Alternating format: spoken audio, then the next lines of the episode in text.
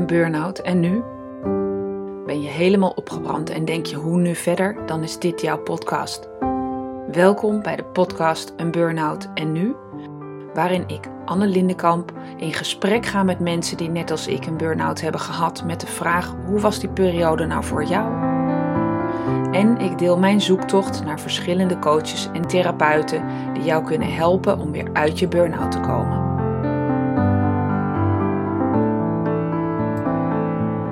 De reeks gesprekken met mensen die zelf hebben ervaren hoe het is om een burn-out te hebben, deze week weer een bijzonder interview. Martine van den Dol. Martine was eind 20 toen ze haar burn-out kreeg. Ze had een geweldige baan met enorm veel doorgroeimogelijkheden en ze had ook nog eens de ambitie om snel door te groeien. Toen haar relatie uit elkaar ging, verlegde ze haar focus nog meer naar haar carrière. De vier leuke projecten waar ze aan werkte werden er zes en toen zeven. Haar werk vond ze echt superleuk, maar ze wist dat de echte passie ergens anders lag: het coachen van mensen. Later zegt ze daarover: dan ben ik echt in mijn element. Dus naast de werk hardlopen en een vol sociaal leven volgde Martine ook nog een coachingsopleiding. De dag na de kick-off van het traineeprogramma was daar ineens toch het moment dat het niet meer ging. Ze kon letterlijk haar bed niet meer uitkomen. In die allerdonkerste periode heeft ze met haar enorme wilskracht haar coachingsopleiding toch nog positief weten af te ronden. Een openhartig gesprek met een bijzonder sterke vrouw. Luister naar mijn gesprek met Martine van der Dol over niet weten wat je moet doen, haar zoektocht naar hulp en de dag dat de zon doorbrak.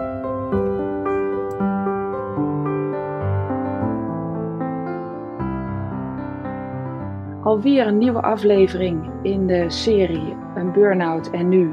En vandaag een ervaringsdeskundige. Fijn dat je er bent, Martine. Ja, dankjewel Anne. En, uh, ja, leuk om uh, hier te zijn en uh, met jou kennis te maken. Ja, ja, ja, want we, zijn elkaar, we kennen elkaar niet persoonlijk. We zijn elkaar tegengekomen via Clubhouse, het online audioplatform. En toen raakten we met elkaar in de praat en bleek dat wij een burn-out delen. En toen heb ik je gevraagd, mag ik jou interviewen over jouw ervaring met jouw burn-out? En dat mocht. Ja, ja zeker. Ik, uh, nou ja, het is natuurlijk geen onderwerp waar ik, uh, ik kan zeggen, ik praat er graag over. Dat is een beetje gek om te zeggen. Maar ik wil in ieder geval graag bijdragen aan meer openheid over dit onderwerp. Ja, want herken jij ook dat het best wel, voor mij was het best wel een taboe, überhaupt een burn-out hebben en er dan daarna over praten. Ik had er echt wel moeite mee, zeker in het begin. Herken je dat? Ja, vooral in de fase dat ik voelde dat het niet goed ging. Uh, dat ik nog wel aan het werk was, maar dat ik eigenlijk voelde van ja, dit, dit is gewoon niet oké. Vond ik het heel moeilijk om dat voor mezelf toe te geven. En um, nou ja, als je het niet aan jezelf toegeeft, kan je het natuurlijk ook niet tegen anderen zeggen. Uh, en ook in de fase daarna dat ik net uh, thuis zat, was het wel lastig. Op een gegeven moment heb ik wel, um, een paar maanden later denk ik, de stap gemaakt om er juist wel over te gaan praten. ook al een keer een interview aan het parool gegeven. En um, ja, eigenlijk vind ik het vooral heel bevrijdend ook nu om er wel gewoon open over te zijn. Ja, dat herken ik heel erg. Dat heb ik ook heel erg. Maar ik moet je echt in die aanloop ernaartoe, hè, jij gaf het net al een beetje aan, dat ik echt, eigenlijk wist ik ergens, dit gaat gewoon niet meer maar ja, weet je, uh, je moet gewoon in je werken en uh, je leven gaat gewoon door. Dus, dus ik ging ook door. Had jij een bepaalde overlevingsstrategie of ging jij ook gewoon door? Hoe ging dat bij jou, die aanloop naar die burn-out? Ja, ik, ja, doorgaan, doorgaan, doorgaan. Dat is eigenlijk wel de kern inderdaad. Ik um, had een uh, baan waarbij ik steeds meer nieuwe projecten op mijn pad kreeg. Het ging over talentontwikkeling, dus het ging ook over uh, zeg maar andere mensen die ik dan aan het helpen was. Dus daar deed ik dat allemaal voor. Um, en gaandeweg kwam er steeds meer bij. En ik kreeg wel allerlei fysieke klachten die ik dan heel erg hinderlijk vond, omdat ze eigenlijk me afremden in hoeveel ik allemaal wilde doen en bereiken.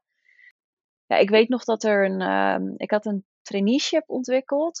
En ik was ook degene die en dat programma draaide, maar ook de trainingen uitvoerde. En er was um, een moment dat ik wist van, nou dit gaat eigenlijk niet. Maar er stond een paar weken later nog een nieuwe trainingsdag op het programma. Die wilde ik kosten wat het kost, wilde ik die geven. Want ik voelde me verantwoordelijk voor die 30 trainees die we daarin hadden zitten. Dus wat ik ging doen, was eigenlijk alles wat niet essentieel was.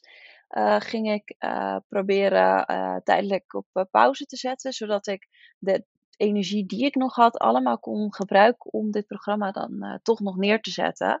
Ehm, en mijn hoofd ging constant door met allemaal to-do-lijstjes. en het ergste was eigenlijk dat als ik ging slapen, ik ging best wel laat naar bed, want ik wilde nog wat afmaken. En dan werd ik gewoon echt veel te vroeg wakker, soms wel om een uur of vier, vijf. En mijn hoofd was meteen aan met dingen die ik moest doen. En ja, dan lag ik in bed, ik was wakker, kon toch niet slapen. Dus mijn, mijn gedachte was, nou ja, als ik dan toch wakker ben, dan kan ik wel gaan werken. Dus dan stond ik gewoon heel vroeg op en dan ging ik weer wat doen om maar te zorgen dat ik uh, toch die deadline ging halen.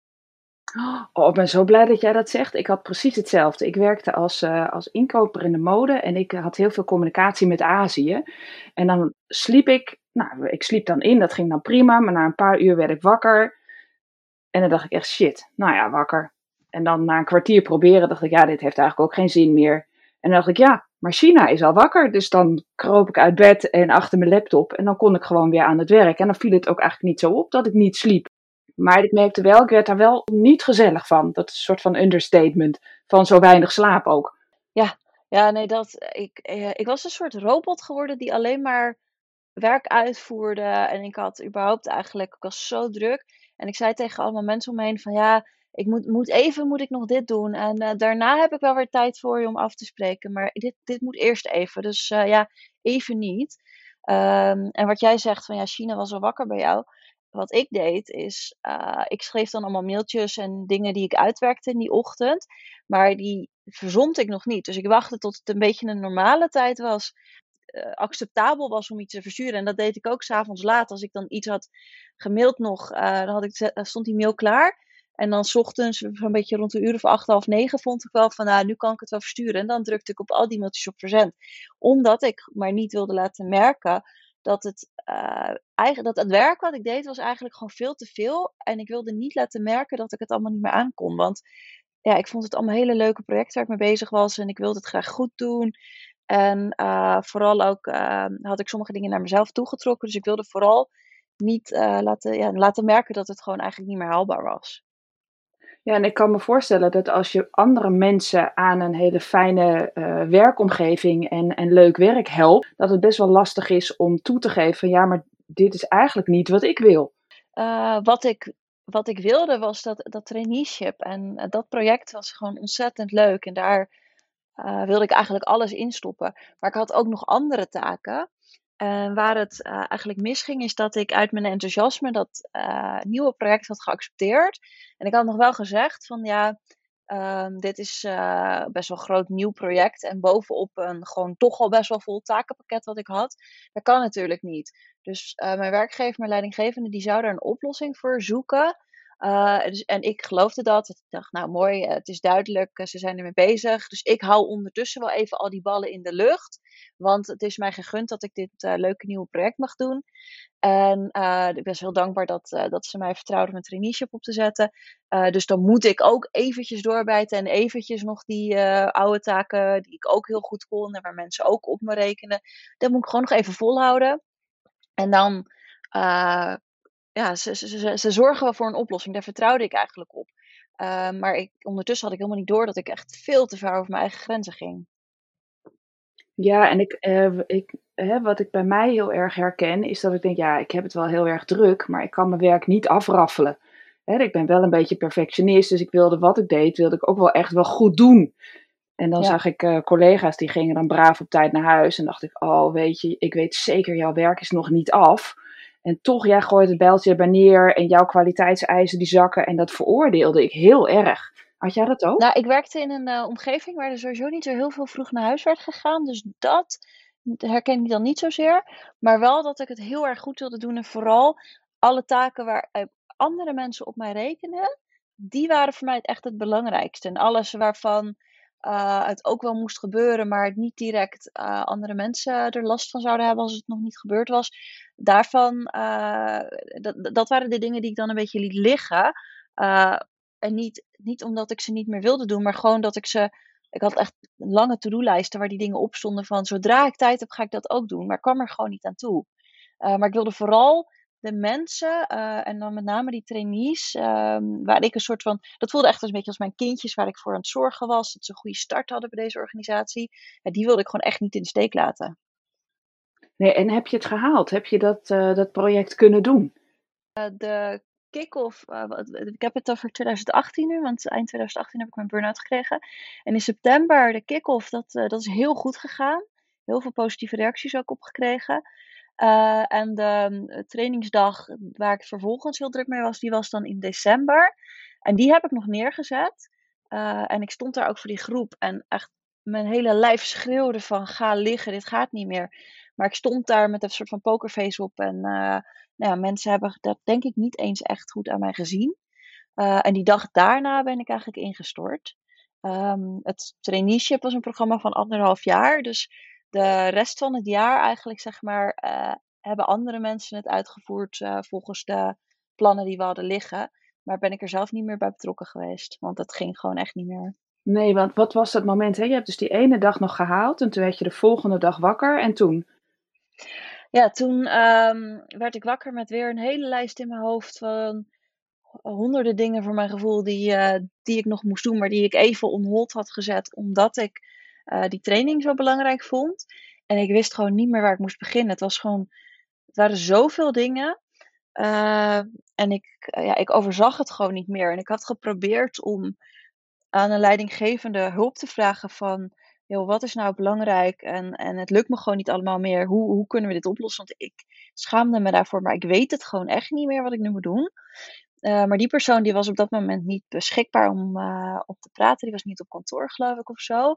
Um, en die dacht dat ik wakker werd. En ja, het, het, was gewoon zo, zoveel dat ik gewoon echt niet meer wist wat ik moest doen. Dat ik dacht van ja, het is gewoon kansloos. Dus ja, ik, ik, het lukte me gewoon letterlijk niet om uit mijn bed te komen. Want ik wist niet, ja, uh, uit je bed stappen letterlijk, zeg maar. Dat, dat, kan je nog overzien. Maar wat ik daarna moest doen, ik had gewoon geen idee. Dus ik was maar in mijn bed blijven liggen. Um, in de hoop dat het probleem zich zou oplossen of zo, maar dat ging natuurlijk niet. Um, en die dag heb ik ook niemand iets laten weten. Die dag daarna pas dacht ik van ja, dit is niet iets van even een dagje in bed liggen of zo. Dit is echt uh, een veel groter probleem, dus ik heb hulp nodig. En toen ben je, had je enig idee waar je moest beginnen? Ik weet dat toen ik mijn burn-out kreeg, toen had ik echt iets, oh, oké. Aan de ene kant was het ontzettende bevrijding dat ik niet meer naar kantoor hoefde. En aan de andere kant had ik verwacht door die bevrijding dat ik ineens weer gewoon er was. Maar dat was niet zo. Mhm. Ik bleef in dat, in dat zombie-zone uh, zitten. Uh, Waar ik gewoon, ik echt geen idee hoe ik daaruit moest komen. Hoe heb jij dat uh, ervaren? Ja, ik krijg het soms gewoon weer een beetje benauwd als ik daar aan terugdenk. Die zombie-modus, dat is inderdaad, dat, dat, zo voelde dat voor mij ook. Um, ik moest, uh, voor mij was echt een grote stap om aan mijn werk te laten weten dat het gewoon niet meer ging. En ik had gelukkig in die periode, deed ik een opleiding en daar had ik een supervisor voor. En die vrouw, daar had ik toen die, die, die tweede dag zeg maar een afspraak mee. En ik zei tegen haar, ik, van, ja, of tenminste, ja, zij zag gewoon aan mij, dat gaat gewoon niet meer. Dus ik zei, maar ik weet niet wat ik moet doen. En zij zei, zij heeft gewoon letterlijk zitten dicteren eigenlijk wat het uh, mailtje was wat ik naar mijn werk heb gestuurd om aan te geven dat het niet meer ging en dat dat niet om even niet ging, maar echt om een structureel probleem. Uh, en daarna heb ik inderdaad lange tijd in die zombie-modus gezeten. Um, ik um, was in die tijd single, woonde alleen. En um, nou, ik, ik kwam dan nog wel uit mijn bed, maar ik verplaatste me eigenlijk alleen maar van de bed naar het bank. En uh, ik probeerde zo, zo lang mogelijk met het eten wat ik in huis zat te doen. Uh, want naar de supermarkt gaan was echt. Dat, er waren zoveel keuzes, dat overzag ik ook niet. Um, en om heel eerlijk te zijn, op een gegeven moment uh, lag ik in bed. En toen had ik een, een gedachte waar ik eigenlijk nog steeds een beetje van schrik als ik dat zeg. Maar toen dacht ik, ja, ik woon op een soort bovenste verdieping, een soort zolderverdieping. en toen dacht ik, als er nou brand uitbreekt, dan zou ik echt niet al die trappen af gaan lopen. Dat, dat, dat red ik gewoon niet. gewoon veel te veel. Uh, en dat was echt een hele gekke gedachte. En tegelijkertijd was er ook een stemmetje in mij wat zei: Ja, tuurlijk wel, als er brand uitbreekt, dan wordt het warm, dus dan ga je wel rennen. En ik weet niet of het duidelijk is, maar deze gedachte uh, was het moment voor mij eigenlijk dat ik me realiseerde van ik zit zo diep dat het eigenlijk me niet meer echt kan schelen als ik, ja, als ik dood zou gaan. En toen realiseerde ik me, ja, dat ben ik helemaal niet, zo, zo wil ik niet zijn en dit, dit is gewoon, dit klopt niet. Dus dat was het moment dat ik ehm, naar mijn ouders ben gegaan uh, en zei van, ik trek het gewoon niet, ik heb hulp nodig. Uh, en ook uh, via de huisarts in eerste instantie bij een praktijkondersteuner gesprek heb gevoerd. En daarna ook naar een psycholoog ben gegaan. Um, want ja, dit, dit, dit zat zo diep dat daar kwam ik niet in mijn eentje meer uit. Uh, en die zombie-modus, ja, wat ik al zeg, het is, ik word gewoon een beetje een soort van onrustig nu als ik daar weer aan terugdenk. Ja, ik herken dat heel erg. Ik deed alles op de automatische piloot. Hè? Wat jij ook zegt met die, uh, met die boodschappenlijsten en met boodschappen doen. Dan stond ik in die Albert Heijn en dan ging ik zonder boodschappen weer naar huis. Want het was gewoon te veel prikkels. Ik kon alleen met een lijstje nog, uh, nog boodschappen doen. En je beschrijft heel prachtig dat eigenlijk je allerdiepste moment dat je in dat bed lag en dacht nou, misschien als mijn bed te warm wordt, als er brand komt, zal ik er eens uitstappen. Als ik het kan opbrengen. En uh, wat fijn dat je toen een beslissing hebt kunnen nemen om naar je ouders te komen. En vanaf dat moment ging het ook beter? Nou, niet meteen hoor. Um, ik was heel blij. Ik heb echt mijn ouders huilend opgebeld van mag ik alsjeblieft naar jullie toe komen? En die, die wisten natuurlijk wel wel dat ik thuis zat. Uh, en die maakten zich ook zorgen, maar die waren blij dat, uh, dat ik wilde komen. Maar ik denk een maand of zo, de eerste maand dat ik bij ze was, dat ik eigenlijk uh, nog steeds als een soort zombie daar rondliep. Dat ik gewoon. Zij hielpen me echt. Ik was heel blij dat ik bij ze terecht kon. Zij hielpen me echt met om gewoon nog op een normale tijd naar bed te gaan. Uh, om, uh, ik, sliep uh, in, in, die periode ook volgens mij echt iets van 12, 14 uur per dag de eerste week of zo. Maar zij zorgde dat ik op een gegeven moment wel meer uit mijn bed kwam. dat ik gezond at. En mijn moeder ging elke dag een wandeling met me maken. En dat wilde ik niet. Dus dat was voor haar ook. Ik, ja, ik ben haar heel dankbaar dat ze toch die moeite heeft genomen om mij ja, elke keer toch weer mee te nemen. want echt als een soort van klein kind ja, ging ik dan protesteren van nee, nee, dat gaat niet. Snap je niet dat ik niet kan lopen? Dat ik gewoon geen energie heb. Maar we deden het toch. En uiteindelijk, ik denk na een week of drie, vier, kwam er een dag dat ik zelf tegen mijn moeder zei van hey, de zon uh, begint, uh, begon ook een beetje te schijnen toen. Het uh, was alweer een voorjaar van 2019. En um, toen zei ik tegen haar van, de zon begint te schijnen, zullen we nu gaan lopen? En dat zij me aankeek en zei: Echt, eh, wil je zelf nu, stel je dit nu voor? En dat was eigenlijk het moment, het eerste lichtpuntje van: Oh, er is weer iets waar ik toch echt zelf uh, ja, energie voor heb en, en, zelf initiatief weer voor toon. En dat was het eerste lichtpuntje van dat er uiteindelijk steeds meer dingetjes kwamen waarvan ik dan uh, ja, toch ergens weer zin in had. Dat was wel echt uh, een, een keerpunt. Uh, want daarvoor kon ik me gewoon helemaal niet voorstellen dat ik überhaupt ooit nog ergens zin in zou hebben. En dat is, nou ja, ik uh, hoop niet, uh, ik gun dat niemand om ooit zo diep te zitten. Ik kan het eigenlijk niet eens echt goed uitleggen hoe zwaar en donker dat, dat is geweest. Nee, en dat is ook precies de reden waarom wij nu dit gesprek hebben. Om ook andere mensen te steunen in dat hele eenzame, donkere moment. Want ik voelde hem echt gewoon, dat ik dacht, nou, ik ben gewoon de lussukkel hier. En iedereen gaat goed. Ik, eh, ik ben de enige die niet aan kan. En, uh, en niemand begrijpt hoe donker dit is, want iedereen leeft maar vrolijk door. En hè, uh, ik had heel veel behoefte aan het gevoel dat ik niet de enige was die dit overkwam. En daarom hebben we natuurlijk ook dit interview om mensen, te delen met mensen dat het, dat het erbij komt, maar bij hoort, maar dat het ook echt goed komt als je maar de tijd neemt. En uh, hè, wat jij zo mooi beschrijft, dat jij op een gegeven moment de zon door zag komen en uh, dacht, nu, nu is het tijd dat ik naar buiten ga. Dat zijn natuurlijk wel de eerste tekenen dat je fysiek aan het herstellen bent. Ja, dat, dat is echt wel uh, het, het momentje waar ik, waar ik me toen aan vastklampte. En ja, ik zou willen dat ik altijd geweten heb dat dat moment ook weer zou komen. dus dat is denk ik wel het belangrijkste wat ik uh, mensen die er nu in zitten of uh, mee worstelen, of nog niet, misschien nog niet eens helemaal hier naar luisteren, niet eens helemaal weten of ze nou een burn-out hebben of niet. Uh, maar het is een fase, het is tijdelijk en het is niet fijn om daarheen te gaan, maar je komt er wel weer doorheen. Je weet, het komt goed. Maar toen ik daar net in zat, had ik dat vertrouwen, dat vertrouwen van het komt goed, had ik niet.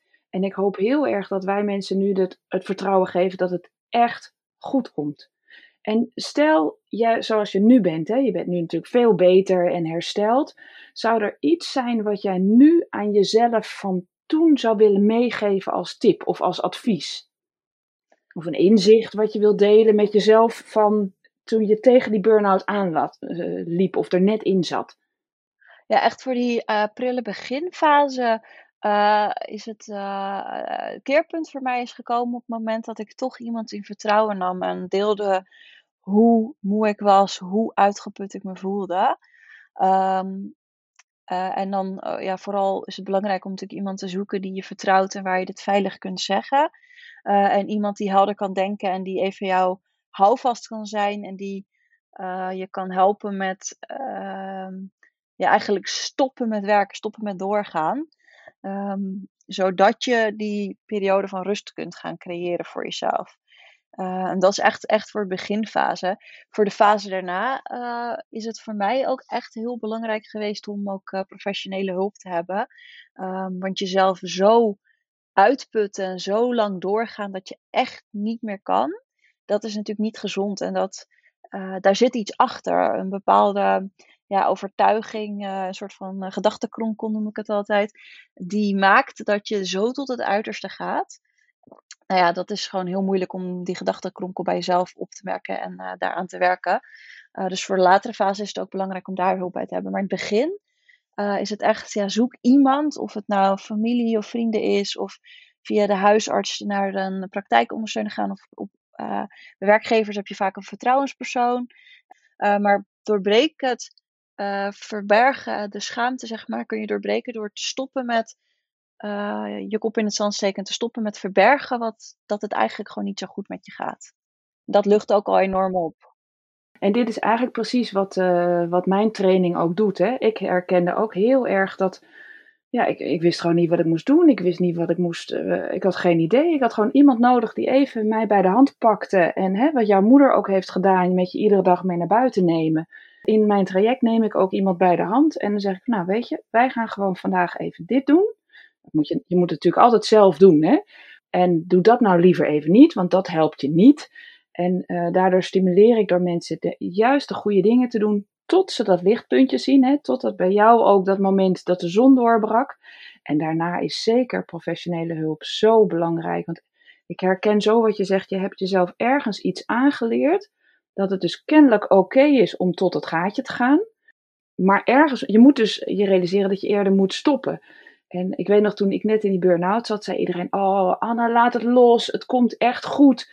En dan keek ik ze aan, dacht ik: Ja, loslaten, weet je. Heel graag, maar hoe dan? Geen idee. Zeg jij het even.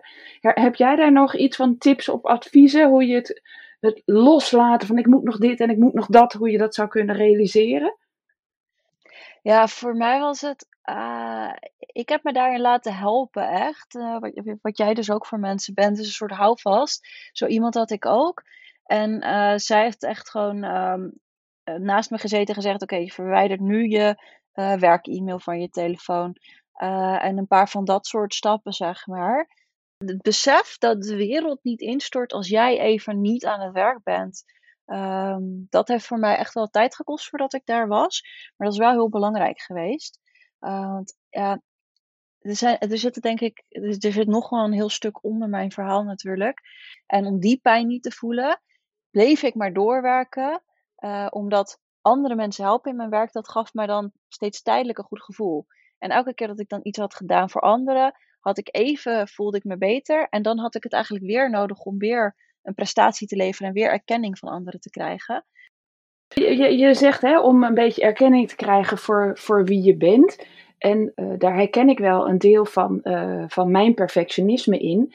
Een van de tekenen van perfectionisme is, als ik nou heel erg goed mijn best doe ergens voor, voor je werk of privé of een klusje, maar dan zegt de ander dat ik wel oké ben. Dan krijg ik gewoon een schouderklopje van de ander en dan, uh, dan voel ik erkenning. Want waar ik heel erg moeite mee had, is om dat zelf te doen. Om bij mezelf, toen het later slechter ging, hè, om te denken van nee, maar ik ben gewoon goed zoals ik ben. Met, mijn, met al mijn fouten. Ik was wel goed zoals ik was, maar zonder fouten. Ja, heel, heel, heel herkenbaar dat de mening van anderen eigenlijk waardevoller en belangrijker dan is dan uh, wat, wat je zelf tegen jezelf uh, zegt. Ja, en naarmate het slechter met mij ging, werd die mening van anderen dus belangrijker. En ik heb heel erg, uh, dat, daar lag mijn focuspunt heel erg, moeten leren om te denken, ja, maar ik heb die ander niet nodig om te vertellen wat ik goed of slecht doe.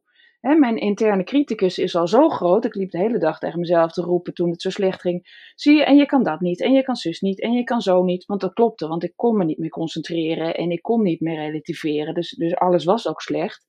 Um, en dan zoek ik, zocht ik de erkenning buiten mij. En uh, uh, inmiddels ben ik zover, hè, dat hoor ik bij jou ook, dat je gewoon de erkenning weer vanuit jezelf kan vinden. Ja, ja, bij mij is echt de belangrijkste les die ik geleerd heb. Um, dat ik in eerste instantie eigenlijk altijd wat anderen wilde en wat, waar zij behoefte aan hadden boven mezelf stelde. Um, en het heeft echt twee stappen op, uh, gekost.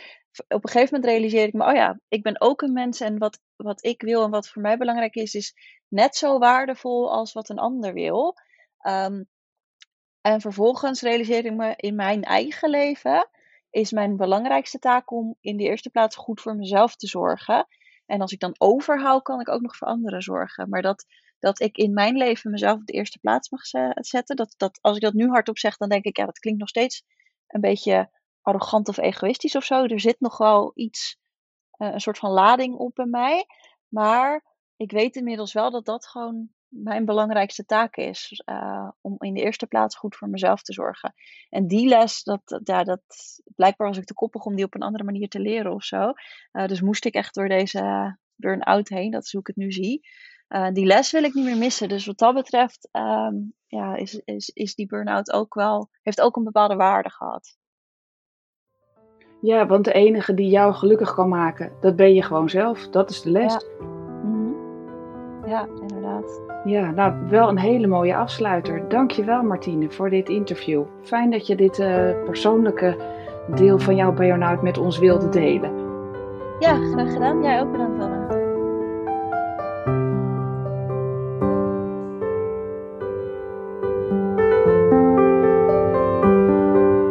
Is alweer het einde van de podcast Een Burn-out en Nu. Fijn dat je luisterde. Deze podcast is onderdeel van mijn missie. Ik help graag zoveel mogelijk mensen bij het zetten van die eerste stap van herstel als je helemaal bent opgebrand. Wil jij ervaren hoe ik jou kan helpen? Maak dan een afspraak op de website eenburnoutennu.nl. Daar kan je ook mijn gratis e-book downloaden met 11 tips voor meer energie. Weet jij een bijzonder persoon of een bijzondere therapie die anderen zou kunnen helpen bij hun herstel? Laat het me weten. Je kan me vinden op Facebook of Insta onder Anne Lindenkamp en stuur me dan direct een DM of ga even naar de website eenburnoutennu.nl slash contact.